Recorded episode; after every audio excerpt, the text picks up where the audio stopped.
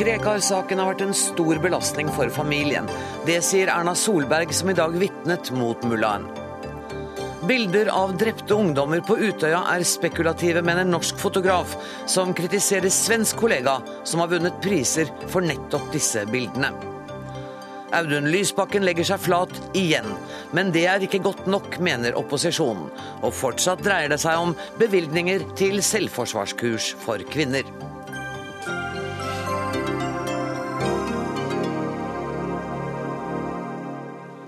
I denne sendinga skal vi også møte omdømmeeksperten, som mener at å selge Skrik til utlandet er som å selge Ja, vi elsker til svenskene.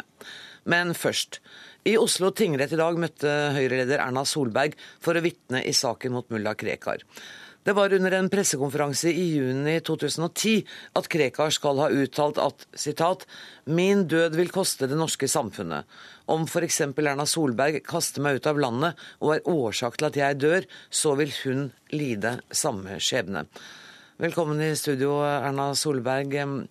På en pressekonferanse i formiddag sa du at saken har vært en belastning for familien din.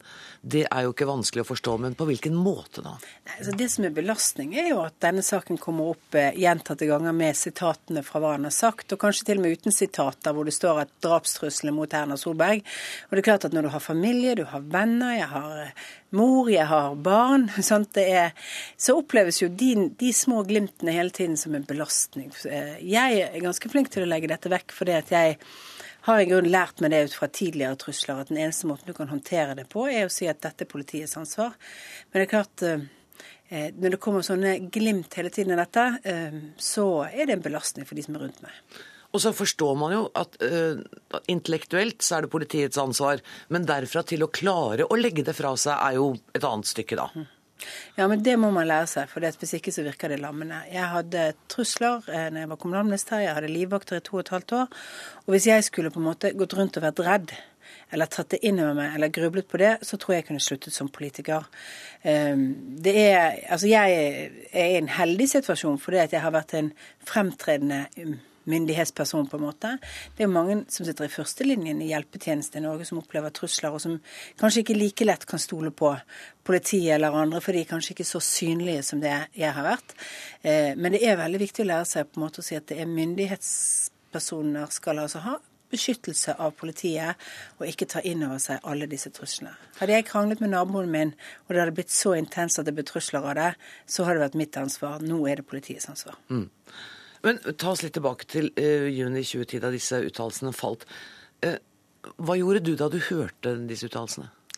Altså, først så fikk jeg jo det gjengitt av journalister som ville ha en kommentar. Uh, og det jeg forsøkte å gjøre, var å finne ut hva han egentlig har sagt. Det hender jo man må, må skrelle litt av også når journalister spør for å finne ut hva det er. Nei, og jeg tenkte at dette må politiet vurdere. Jeg ga en kommentar den gangen om akkurat det. At dette, om dette er trussel eller annet, så antar jeg at det er politiet som, som, må håndtere og vurdere om dette går inn for trusselkategori eller ikke. Jeg kommer ikke til å gjøre noe med dette, og det har jeg heller ikke gjort. Jeg har valgt å ikke anmelde, for jeg mener at eh, som myndighetsperson i Norge så er ikke det du personlig som anmelder den typen trusler. Det er det faktisk de som er satt til å passe på som skal gjøre. Men var husker jeg feil, var det ikke Siv Jensen som anmeldte dette? Siv Jensen anmeldte det, men jeg tror politiet har jobbet med saken uavhengig av det. Mm. Men, men er, det en, eh, er, det en, vanskelig grenseoppgang her? Toppolitikere i Norge må mm. tåle ubehagelige ytringer. Men det der å skille mellom når er det bare ubehagelig og ufarlig, og når oppleves det som en trussel, den avveiningen med når du skal gå videre med det? Ja, altså Det vi gjør, for å si det, jeg gir, vi, for dette er jo apparatet rundt meg, det er jo selvfølgelig at vi har en klar avtale med PST om at eh, sendes det det som oppleves som ubehagelige mailer, sendes det trusler eller sånn, så skal vi videresende det. Så skal politiet gjøre den vurderingen. Eh, det betyr kanskje at vi har lav terskel for å sende over noe. Eh, og noen ganger så er det jo sånn at når jeg var kommunalminister, så var det den type mailer som jeg aldri hadde sett, som bare ble automatisk oversendt til politiet for vurdering. For da ble jeg skjermet for det. Eh, og, og det syns jeg var greit. Eh, og det går ut fra at det gjelder alle andre regjeringsmedlemmer som i dag får trusler, at de har et forkontor eller andre som siler, skjermer, sender til politiet, og at det helt sikkert gjøres vurderinger av ting som du aldri er blitt informert om. Og det er kanskje like bra? Det er like bra, fordi at eh, noe av den effekten Nå snakker jeg ikke om Krekas eh, nødvendigvis, men effekten en del andre har, det er jo på en måte å forsøke å bringe folk ut av balanse med å true dem. Og politiet er best på å gjøre den vurderingen. Dette er seriøst, er dette et miljø, er dette folk som har et potensial, eller er dette folk som rett og slett eh, har fått ut sin dose av frustrasjon i dag med å true en kjent person? Men har det aldri Jeg forstår at du er dyktig til å legge ting bak deg. Har det aldri vært en sånn tanke hos deg at kanskje koster det for mye å være i toppolitikken i Norge? Det er i så fall i forhold til familie og, barn og annet. Det gjelder å være flink å snakke om det. Eh, Gjør dere det hjemme? ja, vi har jo gjort det. Men det er klart, eh, du kan ikke Jeg tror de har en forståelse av at dette ikke er Dette skal de bare glemme. Dette er noe politiet tar seg av. Mine barn ledet to og et halvt år med lekekamerater fra politiet, som de sa når de var små, eh, de har på en måte også en følelse av at politiet har tatt vare på oss hele tiden. Mm. Men hvordan taklet du det, å ha eh, livvakter rundt deg så tett? Eh, det er jo rart i begynnelsen at du ikke kan gå til postkassen og hente din egen post, eller hvis du mangler eh, melk til å lage hvit saus for, så må du sende mannen av gårde. Eh, og sånt. Litt behagelig, kanskje. Men det, det, du venner deg jo til det, og, de er flinke, og de er diskré. De er flinke på å ikke komme imellom på en måte en politiker og velgere i valgkamp, ute på møter og annet. Det hendte vel at jeg syns at F.eks. hvis jeg hadde lyst på en litt meningsløs shoppingtur, så la jeg begrensninger på meg for det, fordi jeg tenkte at uh, jeg skal ikke belemre noen sikkerhetsvakter med å følge etter i lengre tid hvis jeg bare går og vindushopper. Uh, sånne begrensninger. Men egentlig er det ganske greit å leve med. Tusen takk for at du kom i studio i dag, Erna Solberg. Vi skal uh, fortsatt snakke litt om denne saken. Inn i studio nå kommer Brynjar Lia og Eh, som er eh, ekspert på dette, og Drude Beer. For eh, Brynjar Lia, du er forsker ved Forsvarets forskningsinstitutt. Hvordan vil du beskrive eh, Krekar? Nei, Krekar er jo en som eh, har vært involvert i denne type militant eh, islamsk aktivisme i flere tiår.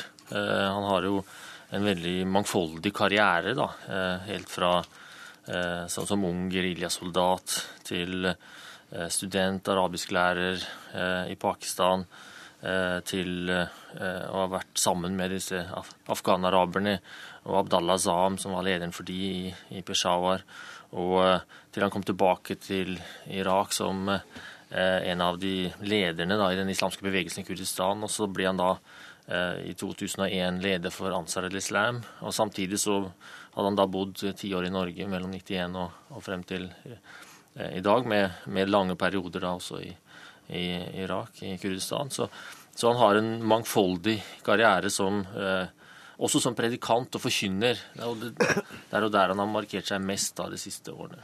Og du sier, eller jeg tror du sa på Dagsrevyen i går at han er en PC-jihadist. Mm. Eh, men det betyr ikke at han er en terrorist? Ja, absolutt. Altså, Jihad-bevegelsen er jo en bredere bevegelse enn Al Qaida. Her har du mange grupper som deler noe av Al Qaidas synspunkter, men ikke alle. Og han uh, har på en måte vært i kontakt med denne bevegelsen helt siden slutten av 80-tallet. Og, så, uh, og han, i dag så, så, sprer han sitt budskap på internett gjennom Paltalk og, og andre nettsider osv. Og, uh, og har en absolutt en militant tone der på veldig mange måter. Men, men han er ikke den aller mest militante av de ideologene som er Eh, aktive der ute. Men han har jo en tilhengerskare, i hvert fall ifølge ham selv, da. Mm. Så er det mellom 400 og 500 mennesker som er logget på når han uttaler seg på mm. den nettstedet uh, Paltalk. Mm. Ja, eh, det rommet der han, han er, snakker på flere rom, for så vidt. Et av disse rommene er åpent, og der, der er det 400-500 ifølge han selv. Av og til kan det være flere også. Og så har han et lukket forum der han bare driver, ifølge ham selv, religiøs opplæring. da av studenter. Der driver han et, det han kaller et eh, nett, islamsk nettuniversitet. Eh, og, og, der har han da eh, litt over, hatt litt over 100 studenter totalt, tror jeg han, han, han sa. Så, så, han driver forskjellig virksomhet på internett. Han har også nettsider der tingene han, han har sagt og skrevet, legges ut osv.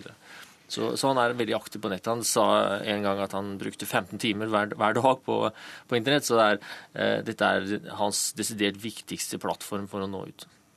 Han er også tiltalt for trusler mot tre kurdere som er bosatt i Norge. Hva er bakgrunnen for det? Dette jo, henger jo sammen med at to av disse kurderne har eh, som en politisk demonstrasjon brent eh, noen kapitler i eh, Koranen. Eh, først og fremst anfal, et Anfal-kapitlet. og det, grunnen til Hva handler det om? Det, altså, hva, poenget er at Saddam Hussein kalte disse kampanjene sine mot kurderne i 87-88 eh, for Anfal-kampanjene. Mm. Og da skjedde det det som vi da gjerne omtaler som folkemordet på kurderne, med kanskje 180 000 drepte. Og som protest mot at arabere, ifølge disse kurderne, at arabere ikke tar avstand fra og fordømmer dette nok, og ber kurderne om unnskyldning så, så, så, mener da disse aktiv to aktivistene at man skal brenne anfallsordene. Eh, det er det ene. Det andre så er det også en som har skrevet en bok som heter 'Sex og sharia i, uh, og, og, Women in Islam' på, på sorani, uh, kurdisk. Og, og, den boken har også Krekar fordømt. og og kommet med truende uttalelser mot uh, denne forfatteren. Så man kan trygt si at han kjemper på flere fronter og arenaer. Drude Behr, du er kommentator i Nasjonen. Eh, hva gjør det med oss dette at eh, trusler og den økte sikkerheten rundt politikerne, kan det skape en større avstand til dem? Altså Foreløpig så merker vi veldig liten forskjell, syns jeg, når man møter de politikerne hvor man hvor man går. holdt jeg på å si. Bor man i Oslo, så møter man rikspolitikerne. Bor man andre steder i landet, så møter man rikspolitikerne på besøk, eller lokalpolitikerne.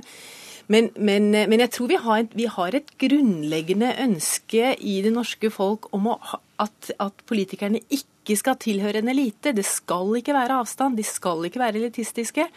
Og det er klart, dess flere vakter, dess flere sorte biler, dess flere sotete vinduer, mm. dess mer får vi i hvert fall en opplevelse av at det er en avstand. Og det, det er allerede en litt sånn misnøye i enkelte miljøer på gang at eh, politikerne blir mer og mer elitistiske. Og selv Arbeiderpartipolitikere kommer jo fra overklassen.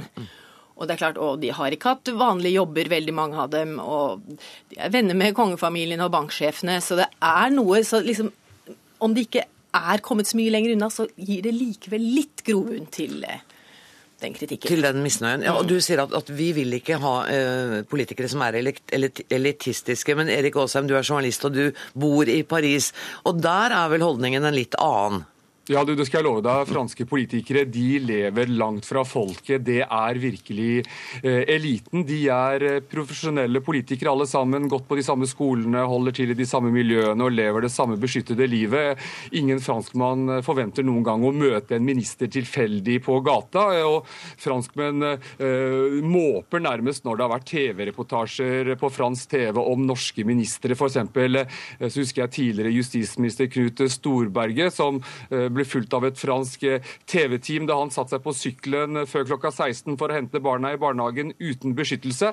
Og Det er altså en helt uvirkelig situasjon for eh, franskmenn. Og så skapte det mye fornøyelse da, da, da, tidligere statsminister her i Frankrike, Edouard Balladour, i 1993 inspiserte en undergrunnsbane, og han utbrøt overrasket Å, så varmt det er her! Og Det var da noe franskmenn tok som et bevis på at det er første gang han tok metro i Paris, og det var kanskje noe av det mest folkelige han noen noensinne hadde gjort. Men du, hva, Påvirker dette måten å arbeide på for journalister, det at det er en større avstand og vanskeligere å komme i kontakt med dem? Ja, det gjør det. Altså, det er ikke lett å komme innpå franske ministre om da ikke møtene skjer på konferanser eller slikt. Eh, det er ikke bare å kaste seg over dem og stille spørsmål sånn uten videre, uten å ha avtalt det på forhånd. Franske journalister gjør ikke det. Vi utenlandske eh, korrespondenter eh, er nok oppdratt til litt mindre respekt for autoriteter, så vi følger ikke helt de samme reglene. Men politikerne har et hoff rundt seg av både rådgivere og sikkerhetsfolk som, som, som gjør at det krever mot å komme seg tett innpå for å få stilt de spørsmålene man vil stille. Det har nylig kommet ut en bok i Frankrike som bl.a. viser hvor mye en statsråd koster samfunnet i måneden. Hva var den ja. summen igjen?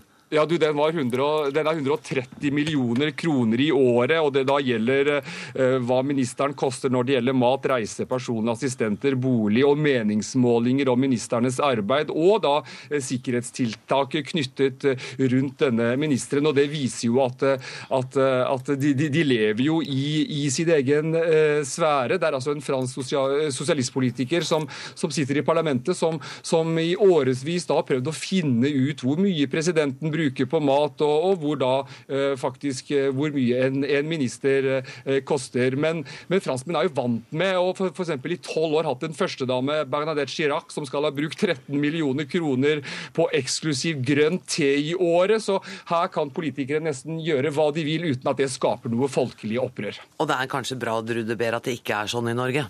Ja, altså Jeg har noen franske venner, og jeg spurte dem hva de syntes om Eva Jolie, ja. som jo er eh, norsk, bodde mest av sitt liv i Frankrike, og nå som, stiller, nå som hun stiller til president, som presidentkandidat for De grønne. Hva syns dere om henne?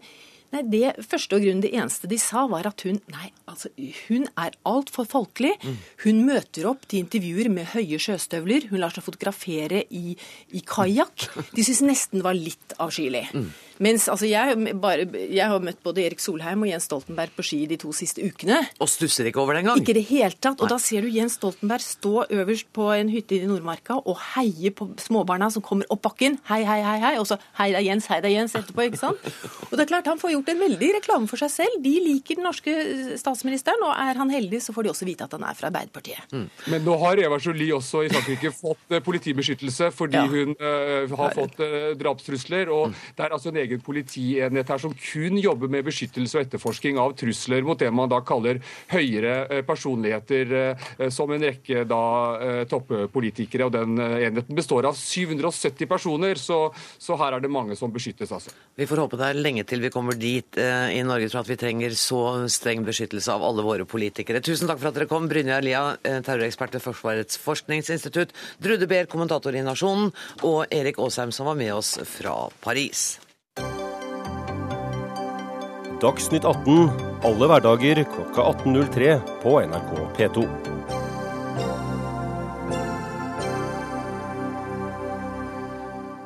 I dag møtte Audun Lysbakken et samlet pressekorps for igjen å legge seg flat. Bakgrunnen er de vel 150 000 kronene som ministeren ga til selvforsvarskurs for jenter før jul. I dag kom det fram at tildelingen gikk imot rådene fra embetsverket i departementet. Velkommen, barne-, og likestillings- og inkluderingsminister Audun Lysbakken. Hvorfor delte du ut pengene når kollegene i embetsverket frarådet deg det? Nei, De gjorde jo en god vurdering, og vi burde ha fulgt den. Eh, dette er jo en sak som jeg har beklaget overfor Stortinget. Eh, men fordi det har vært stilt eh, spørsmål rundt den, også i ettertid, så bestemte meg i dag for å offentliggjøre alle dokumenter. Jeg har ingenting å skjule. Vi har lagt ut interne e-poster, interne sakspapirer og alt det som er relevans for saken. Nettopp for å vise at den handler om en rotete prosess, eh, en eh, uklok vurdering, men heller ingenting mer enn Nei. det. Og Jeg er selvfølgelig lei meg for at eh, vi ikke gjorde dette på en bedre måte. Eh, vi burde ha utlyst disse midlene, hatt en eh, bredere eh, kunngjøring, sånn at flere organisasjoner kunne ha søkt på de. Og Da hadde vi ikke vært i, i denne situasjonen, som jeg syns selvfølgelig er, er, veldig trist for, for meg sjøl og for departementet, og, og, ikke minst også for de jentene som fikk disse pengene, som faktisk gjør en utrolig god jobb mot seksuell trakassering, og som kommer helt i, i skyggen, skyggen av dette. Men, men du satt i dette studioet, for du har jo bedt om unnskyldning en gang tidligere. Og da snakket vi jo nettopp nettopp om det, om hvorvidt det var embetsverket som hadde mistolket eh, lovene. Altså, hvorfor sa du ikke den gangen at nei, dette er en politisk avgjørelse, har gått i strid med embetsverkets uh, anbefalinger her? Fordi jeg hele tiden har sagt at det er en politisk avgjørelse som jeg tar det fulle og hele ansvaret for. Og da er det sånn at uavhengig av hvilke råd jeg har fått, så må jeg gå til Stortinget, legge fram sakens ulike sider, og så må man vurdere om det var klokt eller ikke. Og lenge før jeg la fram det jeg la fram i dag, så var jo vurderingen fra han som sitter ved siden av meg og andre, at det ikke var klokt. Eh, Stortinget forholder seg til det en statsråd gjør. Det er ikke vanlig at vi legger fram de råd vi får fra vårt uh, embetsverk. Uh, det handler om at vi ikke skal forkludre de ansvarsforholdene som er et departement. Jeg har ansvar for alt, jeg. Og det ansvaret har jeg tatt før og i dag. Men så er det sånn at når det har blitt stilt eh, en rekke spørsmål ved dette, så syns jeg det var viktig å legge dette fram. Fordi dokumentene bl.a. viser eh, at det aldri var noe tema i departementet at dette kunne være regelbrudd. Så det var en vurdering rundt om det var klokt eller ikke, altså om dette jenteforsvaret var uavhengig nok, som jo er en, en politisk vurdering, eh, der vi vurderte feil. Men det er selvfølgelig ikke sånn at vi har brutt noen regler med viten og vilje. Per Kristian Foss, du er medlem i kontroll- og konstitusjonskomiteen på Stortinget for eh, Høyre, som de fleste vet. Eh, nå har han bedt om unnskyldning altså, i alle kanaler og hele tiden. Er det nok nå? Eh, det er greit å si å legge seg flat, som det heter, men man kommer ikke unna bare med det. Vi må behandle saken på en ordinær måte, og jeg tror det kan bli en kontrollsak av det. Fordi nå er det iallfall innrømmet at man har handlet i strid med embetsverkets råd. Man handlet i strid med økonomireglementet i staten. Og jeg tror det er riktig å si at man handlet i strid med hva Stortinget forutsatte.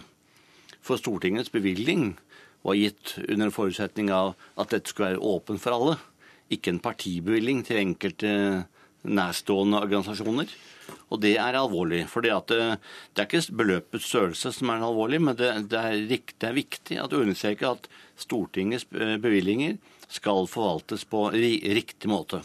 Men, men, når du sier at, som ett argument at statsråden har handlet i strid med embetsverkets råd, mm.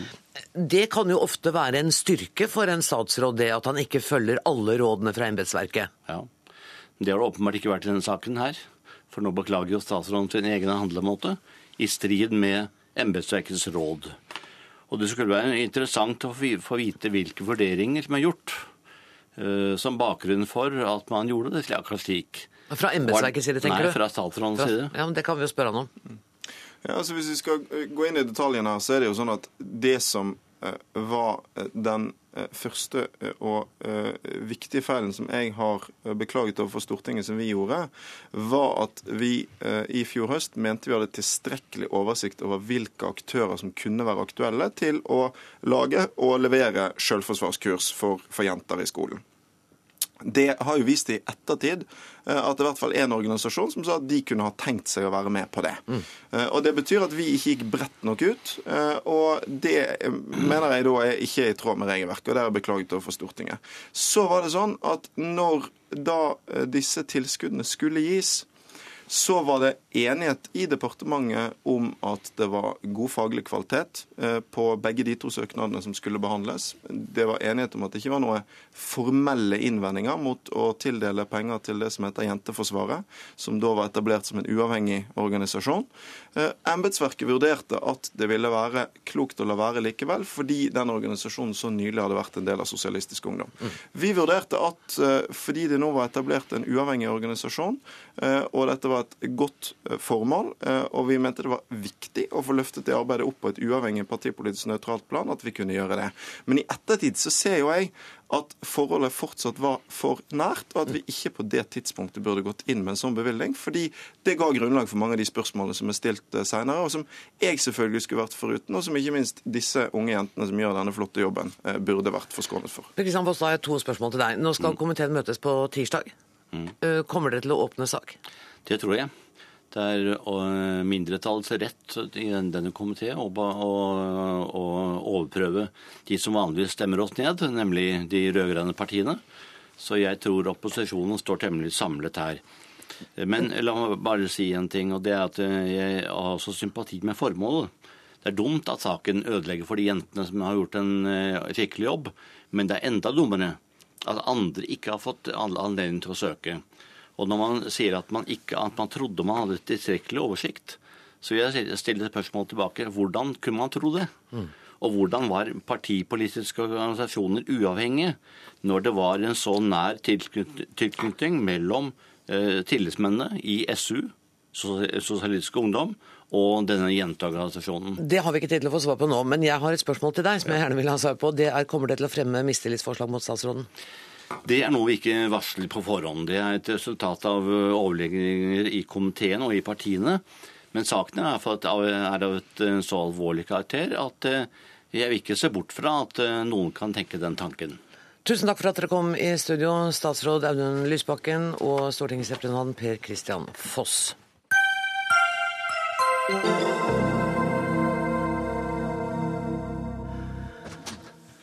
Vi skal fortsatt snakke om denne saken, for inn har kommet to kommentatorer som skal klargjøre litt for oss. Martine Aurdal, du er leder av samfunnsavdelingen i Dagbladet. Du var på pressekonferansen til Audun Lysbakken i dag. Var du overrasket i dag over hvor langt han igjen gikk i å beklage? Jeg var ikke overrasket, for det dokumentet som viser at uh, statsråden og politisk ledelse har handlet i strid med embetsverkets klare råd, har vi fått avslag på å få utlevert flere ganger. Vi ba om det første gang 24.1. Uh, vi har hatt mistanker om at det uh, kunne inneholde nettopp dette. Uh, vi har vært i tett dialog med departementet i mange runder uten å få endelig avslag. Og i dag ble det altså lagt fram det vi trodde. Og da har han jo ingen annen mulighet enn å beklage. Han sier selv at det har vært en rotete prosess og en uheldig takling av saken fra hans side. Og så mener han at da bør man være ferdig med det. Er du enig i den vurderingen? Nei, er, for det første så er jeg overrasket over at uh, Audun Lysbakken gjør en slik feil i utgangspunktet. Uh, det er såpass opplagt at det vil bli stilt spørsmål ved en tildeling av den typen, at det burde de ha sett og unngått på forhånd. Uh, og så har statsråden sagt at dette er en han sa her i dette studioet nå nettopp, at dette er en uklok vurdering, men heller ingenting mer enn det, og at de burde ha utlyst det så flere fikk mulighet til å søke. Men han Altså Han sier at de vurderte feil i forhold til at de var for nær eget ungdomsparti, men jeg syns han eh, fremdeles viser liten forståelse for at det er dette som er grunnen til at dette eh, ligner en politisk skandale. Det er eh, den nære tilknytningen, tildelingen av midler uten utløsning til eget ungdomsparti, som er problemet i denne saken, ikke den eh, utløsningen helt isolert. Guro Slettmark, du er generalsekretær i Transparency International Norge, og du har kalt denne eh, saken for et eksempel på politisk korrupsjon. Hva er det? Eh, altså da, hvis man ser tilbake på den prosessen, og for så vidt også det som Aurdal eh, snakker om her, den lukketheten som har vært rundt det, problemer med å få dokumentasjon ut, eh, og ikke minst selve tildelingen, eh, som viser en veldig sånn tett tilknytning. Hvordan fortoner det seg, liksom sett utenifra? Her favoriserer man Jo, det ser nettopp slik ut at her favoriserer man et eget ungdomsparti. Eh, og da er man i hvert fall godt innenfor risikosonen for eh, politisk korrupsjon, for å si det sånn. Jeg har skjønt at dette med politisk korrupsjon har gått som en sånn farsott i, i mange medier. Eh, og det Man kan jo sikkert bruke mange andre begreper på det også, men her er det altså gitt midler til hva skal vi si, potensielle støttespillere for sin egen eller partiets posisjon, da. Og det er vel der man er inne på, på kjernen av det jeg kaller politisk korrupsjon. Men det er 150 000 kroner det er snakk om. Ja. Det, er, det er småpenger. Mm. Det er en statsråd som nå i to runder har bedt dypt om unnskyldning og påtatt seg alt ansvar, og ikke en krone av dette havna i, havna i hans lomme. Altså, hvor alvorlig er det? Jeg hørte at du Martine, sa at det er alvorlig. Eh, det er en alvorlig sak, og der er du helt enig? Ja, altså den er prinsipielt alvorlig, fordi at eh, prosessen har vært så utrolig ryddig i det. Eh, men jeg er helt enig. I omfang er dette en bitte liten fillesak, faktisk. Og pengene som er delt ut, er heller ikke store i mål til kroner og øre. Men det er den mangelen på den årvåkenheten som vi må kunne forlange av våre toppledere toppledere eh, som, eh, som, bare ikke har vært til stede. Og enda verre er det jo egentlig blitt, da. Det er vel derfor vi sitter her igjen. Eh, nettopp at departementet, embetsverket i departementet, frarådet å gi den støtten, og de pekte nettopp på det uheldige med den nærheten til, til eh, til statsråden og Ungdomspartiet. Men Martin Aurdal, altså, det er ikke et utslag av at vi liksom i pressen driver klappjakt på eh, toppolitikere, uansett hva det måtte være de kunne ha forgått seg på? Jeg mener jo det at å undersøke hvordan det offentlige midler blir brukt, er en av pressens aller viktigste oppgaver. Mm. Eh, og spesielt hvis det kan stille spørsmål ved uryddig saksgang. Her har Audun Lysbakken brutt et regelverk som er opprettet nettopp for å forhindre korrupsjon og kam eh, kameraderi. Eh, at han blir drevet til først å eh, legge seg flat på ett punkt, og deretter, eh, etter en ny runde med kontroll- og konstitusjonskomiteen, så kommer med nye innrømmelser som lederen for kontrollkomiteen i dag har sagt eh, gjør saken enda mer alvorlig. Og eh, han mener jo også at disse opplysningene burde vært utlevert allerede i første runde. Eh, Det er en alvorlig sak i seg selv, og det er jo nettopp det prinsipielle i denne saken som gjør det, gjør det slik. Tror du at denne saken vil ende i, eh, i, i, som høring i komiteen, sånn som eh, Per Kristian Foss antydet her? Ja, jeg blir veldig overrasket hvis den ikke gjør det. Nå har både Foss, Anundsen og Trine Skei Grande uttalt seg veldig klart i dag. Det er grunn til å stille spørsmål ved andre tilskudd fra det samme departementet. De har uttalt i denne saken at de ikke har visst at de har brutt regelverket. Da er det naturlig å se på om de har gjort de samme bruddene i andre typer tildelinger. Og der har eh, Anundsen tidligere sagt at han ikke har tiltro til departementets egen gjennomgang. Så jeg forventer at Stortinget vil gjøre en full gjennomgang av dette. Slettmark, vi vet jo ikke om eh, altså Per Kristian Foss vil ikke forhåndsvarsle en eventuell eh, mistillitsforslag mot statsråden. Kan en sånn sak som dette faktisk felle en statsråd?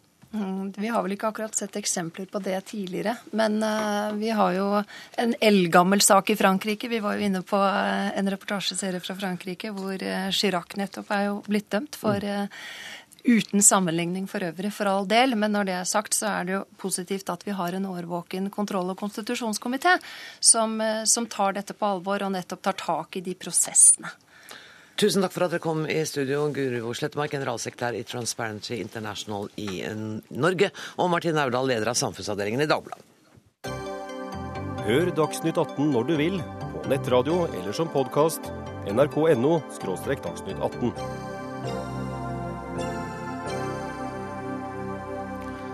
Vi skal til Afghanistan. Tusenvis av demonstranter protesterer i dag mot at vestlige soldater skal ha brent Koranen ved en militærbase denne uka. Foreløpige meldinger tyder på at minst fem personer skal være drept, eller at det skal, skal ha blitt utløst skudd mot demonstrantene. Og journalist Anders Sømme Hammer, du jobber i den afghanske hovedstaden Kabul til eh, vanlig. Hva vet du om det som skjer der nå? Det vi har sett eh, i dag, er at demonstrasjonen som da startet utenfor militærleiren Bagram i går, har spredd seg til andre deler av Afghanistan. Eh, Det er litt uklart fortsatt hvor mange steder det har blitt demonstrert, men eh, demonstrasjonen i dag var klart mye større, også mye mer voldelig enn i går. Det er blitt skutt mot demonstrantene, som du sier. Det høyeste tallet jeg har sett på antall drepte, har vært ti. Eh, Frykten nå er at eh, disse demonstrasjonene skal fortsette å spre seg, og at de også skal bli enda mer voldelige. Det har vi sett tidligere, eh, og da har da disse demonstrasjonene utviklet seg til regelrette angrep på, gjestehus og kontorer der utlendinger oppholder seg. Så altså, aggresjon eller frustrasjon eller sinne gjelder nå alle utlendinger, eller? Ja, og det her har vært latent lenge nå. Altså, spesielt siste året så har vi merka klart markant mer antivestlige strømninger i Afghanistan. Eh, Og Det har også vært en rekke episoder som har virka veldig provoserende i Afghanistan. Eh, Det er nå under to måneder siden en video dukka opp på YouTube der amerikanske soldater sto og urinerte på afghanske lik. Mm. Bare et par uker siden vi fikk se bilder av amerikanske soldater som poserte med SS-flagg, altså flagget til livgarden til Adolf Hitler, som de hadde tatt med til Afghanistan. Eh, og så er det da brenningen av Koranen som da mest trolig har skjedd. Eh, det er det er antagelig noe av det mest krenkende du kan gjøre i Afghanistan, er å sette fyr på Koranen. Eh, Folk reagerer sterkere enn en sivile drap av og til. Sånn, feilbombinger, Det hender at feil, utenlandske soldater gjennomfører feilbombinger i Afghanistan. Eh, Da reagerer mange med, med avsky, men eh, de største og mest voldelige demonstrasjonene har vært det som oppfattes som regelrett angrep på islam. For oss som sitter langt unna dette, så virker det mildt sagt merkelig at vestlige militære kan gjøre de tingene som du nettopp har beskrevet. Har du noen teori om hva skyldes det? Skyldes det mangel på kunnskap om kulturen i det landet de kommer til? Er de bare utsatt for et så ekstremt psykisk og fysisk press at det glipper for dem? Hva, hva er det som skjer? Det er- veldig vanskelig. Det er en del som har prøvd å analysere hva som skjer med soldater i krig. Mm. Jeg tror det er en blanding av dumskap, kunnskapsløshet og ondskap. Eh, Det har vært en voldsom demonisering også av eh, opprørerne i, i Afghanistan, som har gitt seg ulike utslag. Vi hadde også noen saker med norske soldater her for et par år siden, hvor det var en debatt rundt deres bruk av norrøne symboler, og de hadde malt hodeskaller i områder der det var kamper, for å skremme opprørerne. Så det er, en, det er en veldig røff kultur blant mange soldater i, i Afghanistan, og det har gitt seg ulike utslag. Eh, det å sette fyr på Koranen er så åpenbart håpløst og idiotisk at det er vanskelig å forstå. Er det sånn, er situasjonen sånn nå at det vil være farlig for deg å være der igjen? Det er farlig for alle utlendinger å være i Afghanistan i dag og i morgen, og spesielt fredag. Mm. Det tar litt tid før nyheter sprer seg i Afghanistan. Eh, på fredag samles man til fredagsbønn. Hvis da mullaene legger vekt på, på, denne brenningen av Koranen og oppfordrer folk til å gå ut og demonstrere, så kan, er det stor fare for at det blir voldelig. Eh, norske ambassaden og andre vestlige ambassader har sendt ut advarsler nå om å ber folk holde seg unna folkemengder og opptre ytterst aktsomt. Hva, hva, kan skje hvis man ikke Hvis ikke gemyttene roer seg nå? Det kan bli kamper, eh, og de vil antagelig bli slått ned på et tidspunkt. Eh, det ser veldig dårlig ut på TV når altså, afghanske eller utenlandske soldater skyter inn i store folkemengder, demonstrasjoner. De har brukt gummikuler nå stort sett, eh, i går og i dag. Men på et tidspunkt så vil de da bruke skarpt, altså bruke vanlige kuler. Og da vil mange mennesker bli drept. Hvor lenge kommer du til å være i Norge nå? Litt over en uke. Og så reiser du tilbake igjen? Så er det tilbake igjen, ja. Tusen takk for at du kom til Dagsnytt 18, Anders Sømme Hammer, som er altså journalist og arbeider i Kabul.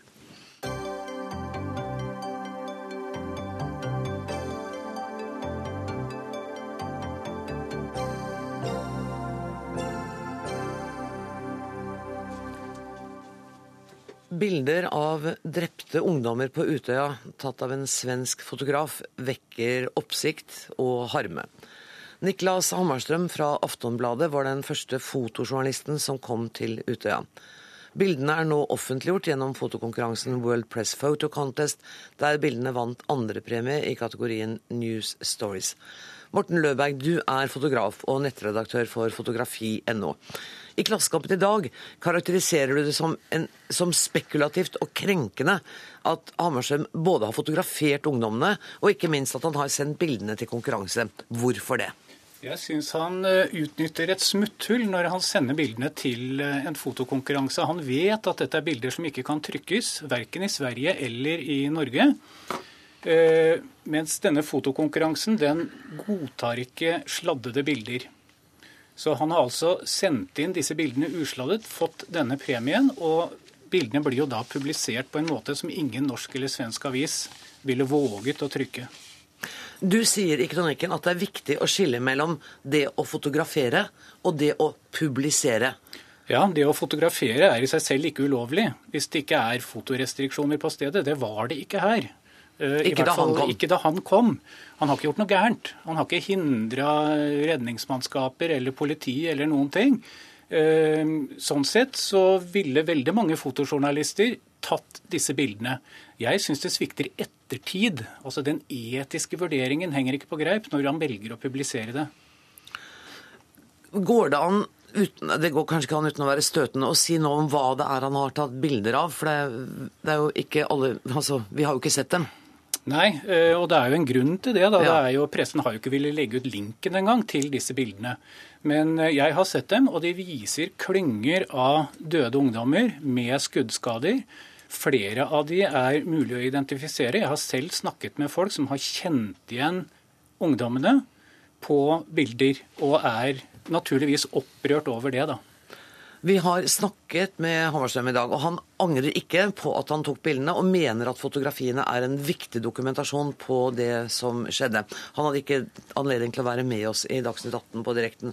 Morten Wold, min oppgave er å rapportere fra alle hendelser, uansett hvor fryktelige de er, har Løvberg sitert deg på. Hvor mener du grensen går? Det kommer helt an på begivenheten. Dette er ikke noe nytt eh, problem. Det har eh, alltid vært slik at når det skjer store historiske begivenheter, så har man vært nødt til å revurdere grensene for hva som kan og ikke kan publiseres.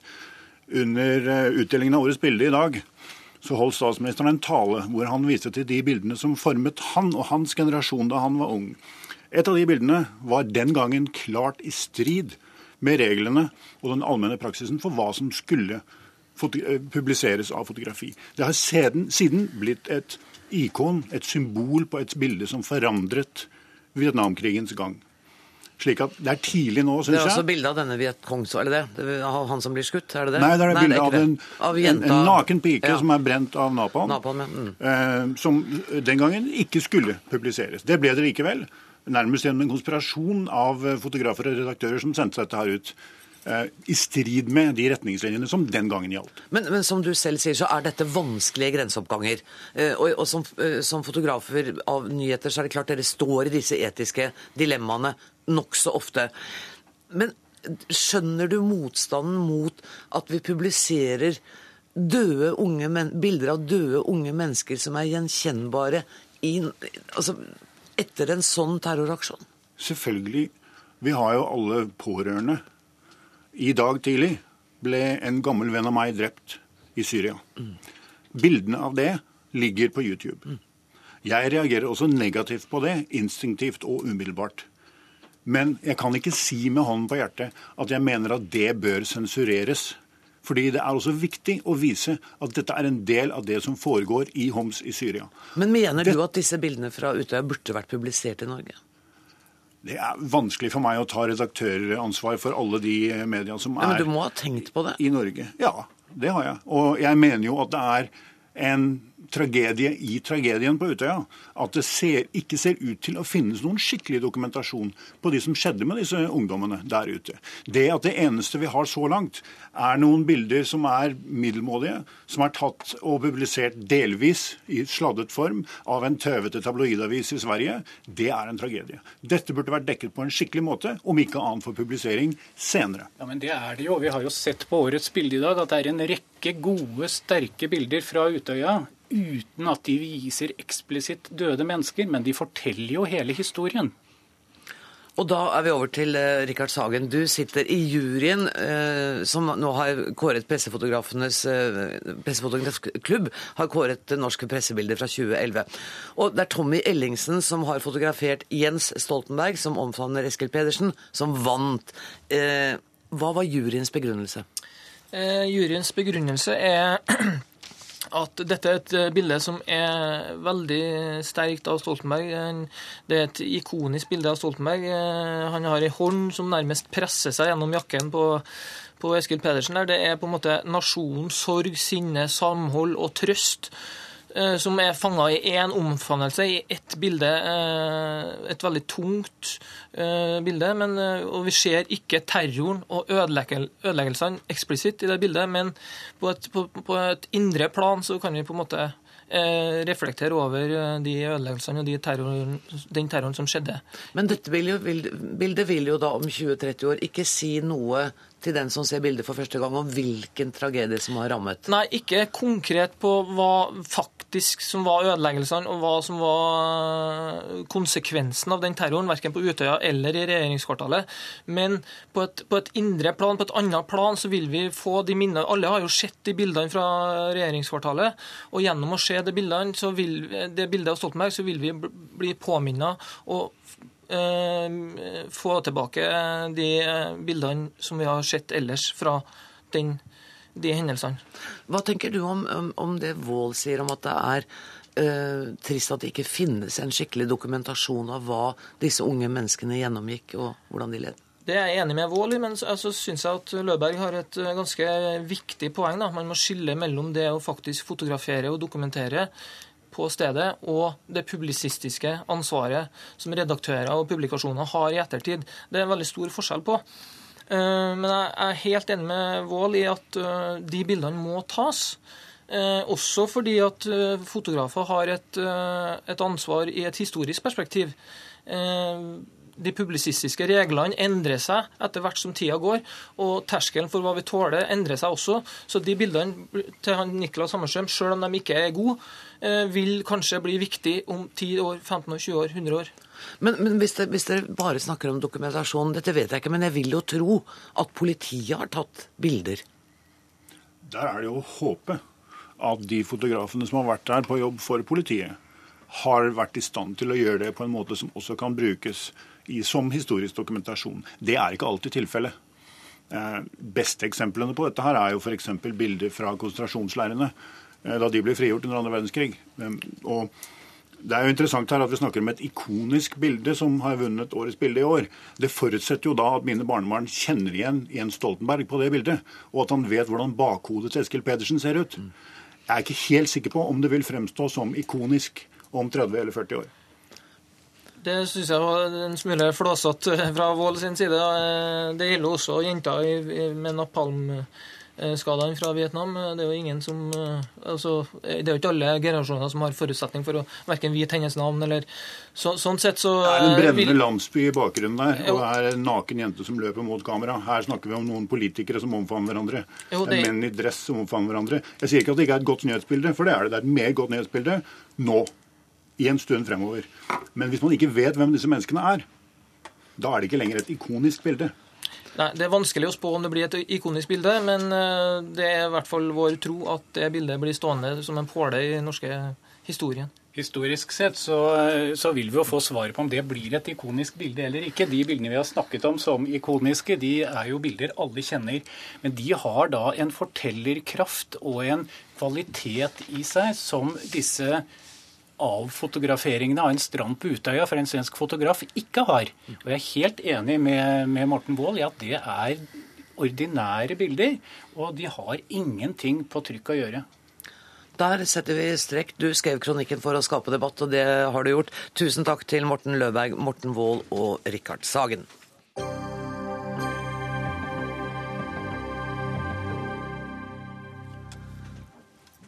Om drøyt to måneder går en av Norges nasjonalskatter under hammeren i New York.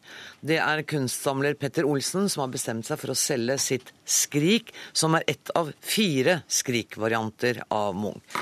Og direktør ved Nasjonalmuseet, Audun Eckhoff, dere har gitt tillatelse til å selge Skrik ut av landet. Hvorfor har dere gjort det? Fordi vi har eh, andre viktige eh, varianter i musealt eie som er tilgjengelig for publikum til enhver tid. Hvis Petter Peter Olsens Skrik hadde vært det eneste Skrik eh, i Norge, så hadde vi satt foten ned. Men eh, de andre viktige versjonene er tilgjengelig for publikum. Alle tre? Eh, altså To av dem er tilgjengelig for publikum så å si til enhver tid, og det tredje er tilgjengelig også hvis Munch-museet ønsker å stille det ut. Eh, I tillegg så er det sånn at Munch er jo ikke så eh, spredt rundt i hele verden som mange andre verdensberømte kunstnere. Så vi syns faktisk det er positivt også at verden får, andre deler av verden får tilgang til dette maleriet. Vi håper jo også at det kommer i offentlig eie, da. Er, ja, det, Men det vet vi jo foreløpig ikke. Men, men, er dette det som skal selges ut, er det den beste versjonen av Skrik? Eh, den viktigste versjonen er den vi har i Nasjonalgalleriet. Den er fra 1893 eh, og helt klart den viktigste. Og den kommer til å bli hengende der. Omdømmeekspert og kommunikasjonsrådgiver Jarle Aabe, du mener, det har jeg sitert deg på, at det er som å selge Ja, vi elsker til svenskene. Hvorfor det? Altså, man må være litt tabloid. ja, jeg liker det. Takk skal du ha. Dette handler om eh, Norges viktigste eh, bilde. Eh, det er noe mer enn Munch, for det er Skrik. Og jeg mener at Norge trenger alle fire versjonene i Norge. Fordi det vil være med på å bygge Norge som nasjon på lang, lang sikt. Det vil også være veldig positivt i forhold til at skal du se Skrik, så må du komme til Norge. Vi trenger gjester, vi trenger turister. Men det aller viktigste er og det som jeg tror vi kan frykte, er at dette bildet ender i peisestua til en arabisk prins som sitter og fyrer i ovnen sin når det er kaldt i, i Saudi-Arabia. Men du, hvis det er så viktig at, at eh, all Munch bør være i Norge, eller i hvert fall disse fire Nei, ikke all Munch. Okay. Uh, dette bildet er helt ekstraordinært. Det er helt ekstraordinært, fordi det, det, har en kraft i seg, og det har blitt et ikon som alle i hele verden omtrent har et forhold til. De bildene bør være i Norge. Og jeg har en visjon. Når det nye Munch-museet kommer, så ønsker jeg meg ett rom, og inni det rommet med de fire veggene så henger det fire skrik. Eckhoff, det ønsket får han da ikke oppfylt? Blant annet fordi at eh, et av dem eies av Nasjonalmuseet, som vil komme på vårt nye museum på Vestbanen. Kunsthistoriker Tommy Sørbø, du sier at dette ikke er trist fordi det ikke er urskriket som nå selges ut. Men er det ikke et poeng her at det er fire skrik? Alle fire burde være her. Jo, det er vel ikke noe i veien for at den nye eieren eller eierne eh, kan låne ut bildet. Altså, Kunstmarkedet i dag er globalt. og eh, jeg vil jo håpe at det kan skje. Eh, så, og så er det en annen ting. En ting er å ha gjenstanden der, liksom eh, den originalen, og vite at den har Munch rørt ved. Men vi har i produksjoner, vi har i dag mulighet til å gjengi bilder, så den kunstneriske opplevelsen kanskje kan være like stor, noen vil kanskje si større, enn når man har, har dette fetisjpoenget ved at det er akkurat selve originalen. Så, men ellers er jeg enig, det hadde vært veldig spennende. Jeg skulle gjerne sett et sånt. Det er, jo ikke noe, det er jo ikke noe problem å få det til, fordi at eh, oljefondet kan selge noen aksjer i japansk atomkraftverk, legge inn det høyeste budet når det kommer på Sotheby's, og så tar vi bildet hjem til Norge. Eller det forblir i Norge. Ja, det, vet du hva, Av en eller annen grunn så tror jeg ikke det heller kommer til å skje, men jeg vet ikke. Hva sier du, Eckhoff? Nei, jeg tror ikke det. Men uh, det vi nå ser, er jo at den store Munch-utstillingen som har vært i Paris, og som er i Frankfurt, senere skal til London, den har ført til et enormt oppsving av Munch-interessen verden over.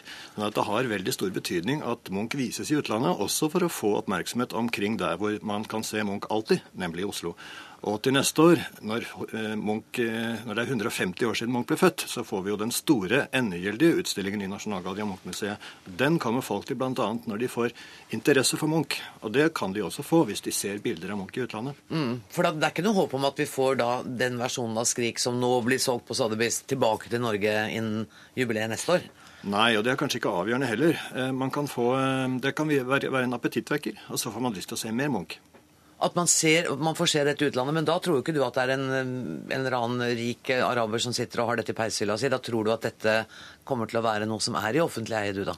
Vår beslutning om å gi tillatelse er jo ikke avhengig av hvordan dette blir vist i utlandet. Men eh, all erfaring tilsier at slike bilder havner i offentlige samlinger før eller siden. Men du, den der beslutningen om å, å gi tillatelse, ville dere gjort det hvis, hvis dette hadde vært helt teoretisk det eneste versjonen av Skrik også?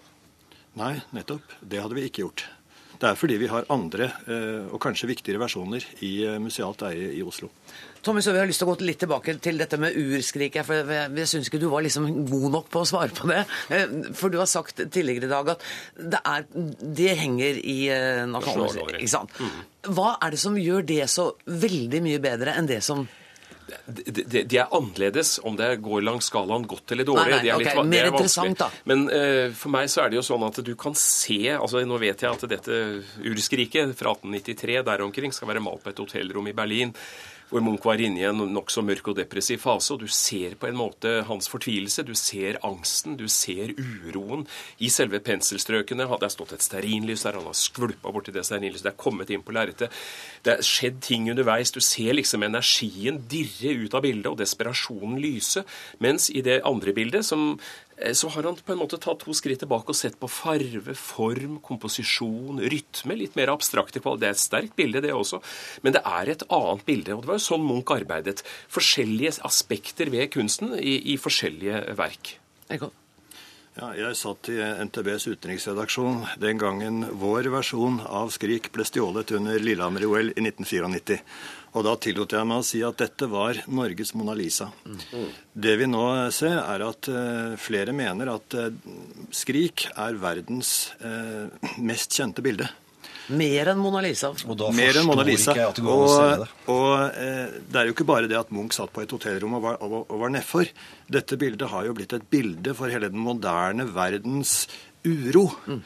Eh, det er jo derfor det har en sånn enorm gjennomslagskraft. Mm. Og fordi eh, Munch har en evne til å tale direkte til følelsene. Han taler tvers igjennom all kunstfaglig eh, kompetanse. Folk som ikke har noen interesse for Picasso, de, de elsker Munch. Mm. Men jeg syns at både det du og Tommy Sørbø sa nå, spiller altså, opp i argumentasjonen til Åbe her. altså. Jeg er overrasket over Eckhoff. Jeg lurer på hvilken rolle han har. Altså, Han er en museumsdirektør. Eh, vi må tenke litt større. Nå må vi ha litt større tanker enn det vi får høre her i Dagsnytt 18. Det sies at dette er verdens viktigste bilde, og så selger vi det ene. Eller vi lar det bli solgt til utlandet. Vi kommer ikke til å vite nå hvor det ender. Det kan også ende i en kjeller, det kan ende på et loft. Det kan ende og liksom gå tapt da for Norge for alltid. Og så sier da noen at jo, men vi har tre fra før. Mm. Ja vel. Tror du egypterne selger en Keops-pyramide for de har fire, liksom? Jeg tror ikke det er argumentasjonen å bruke. La oss ha dette bildet i Norge. La oljefondet vinne det høyeste budet. Mm. Men det kommer altså sannsynligvis ikke til å skje, hvis ikke Eckhoff vet noe vi ikke vet om oljefondets eh, muligheter til å delta på denne auksjonen? Jeg vil gjerne ha noen milliarder fra oljefondet, men jeg tror jeg vil bruke dem til andre ting. Du vil ikke engang ha budt på dette bildet? Det er veldig mange andre ting jeg heller vil ha, siden vi har disse utmerkede Skrik-versjonene i Norge fra før. Er du enig i det, Tommy Sørbø? Ja, hvis jeg, vi hadde muligheten, så syns jeg det måtte være en god idé. Men, eh, men det, det, er det vel ikke. Altså, jeg er helt enig med, med, med deg i dette her at Eh, det, altså det, er, det, er, et piktogram. Altså det, det, gjør det også veldig interessant i forhold til deg som omdømmebygging da, eh, driver med den slags. At eh, det, er ikke bare et maleri. Mona Lisa har jo masse detaljer. Du må vite noe om symbolikk osv. portrett. Mens dette her det går rett i ryggmargen. På samme måte som VGs forside skal bare, bare være et sekund når du venter på rødt lys, så er dette bildet slår imot deg fordi det er en sånn en, et, et hyl, og det kjenner alle igjen. Det er kroppsspråk. Helt enkelt arketypisk. Altså jeg syns Eckhoffs argumentasjoner om at ikke han engang vil by på det, er rimelig arrogant. I dag snakket jeg med direktøren på Munch-museet. Og han sa at eh, hvis oljefondet hadde kjøpt dette, så ville de mottatt det med åpne armer, og det ville blitt et glass champagne. Mm. Men dere, helt til slutt, og veldig kort, hva tror dere Altså, Jeg har sett prisantydninger nå på 500 millioner. Altså, Er vi litt overdrevent optimistiske her på vegne av Petter Olsen? Vel, dette får kunstmarkedet svare på. Hva tror du, da? Gjett, da! Jeg skal ikke bruke det mot deg noen gang. Jeg. Er det ingen av dere som vil gjette prisen på vi, dette? Vi ser jo i hvert fall at uh, kunstprisen har en tendens til å holde seg oppe, selv om det er finanskrise. Mm. Og dere andre? Det er jo andre måter å måle verdi på enn kroner og øre. F.eks. erkjennelse, kunstnerisk opplevelse. Men det er ikke så interessant for mediene. Nei, akkurat Nei. nå var jeg litt opptatt av det. Nei, Jeg innrømmer det. Tusen takk. Si en milliard, da. Si en milliard. En kjempeinvestering, med andre ja.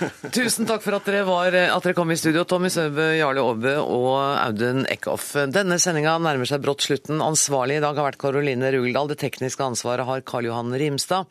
Jeg heter Anne Grosvold og sitter på denne stolen igjen i morgen om 23 timer. Takk for nå. Thank you.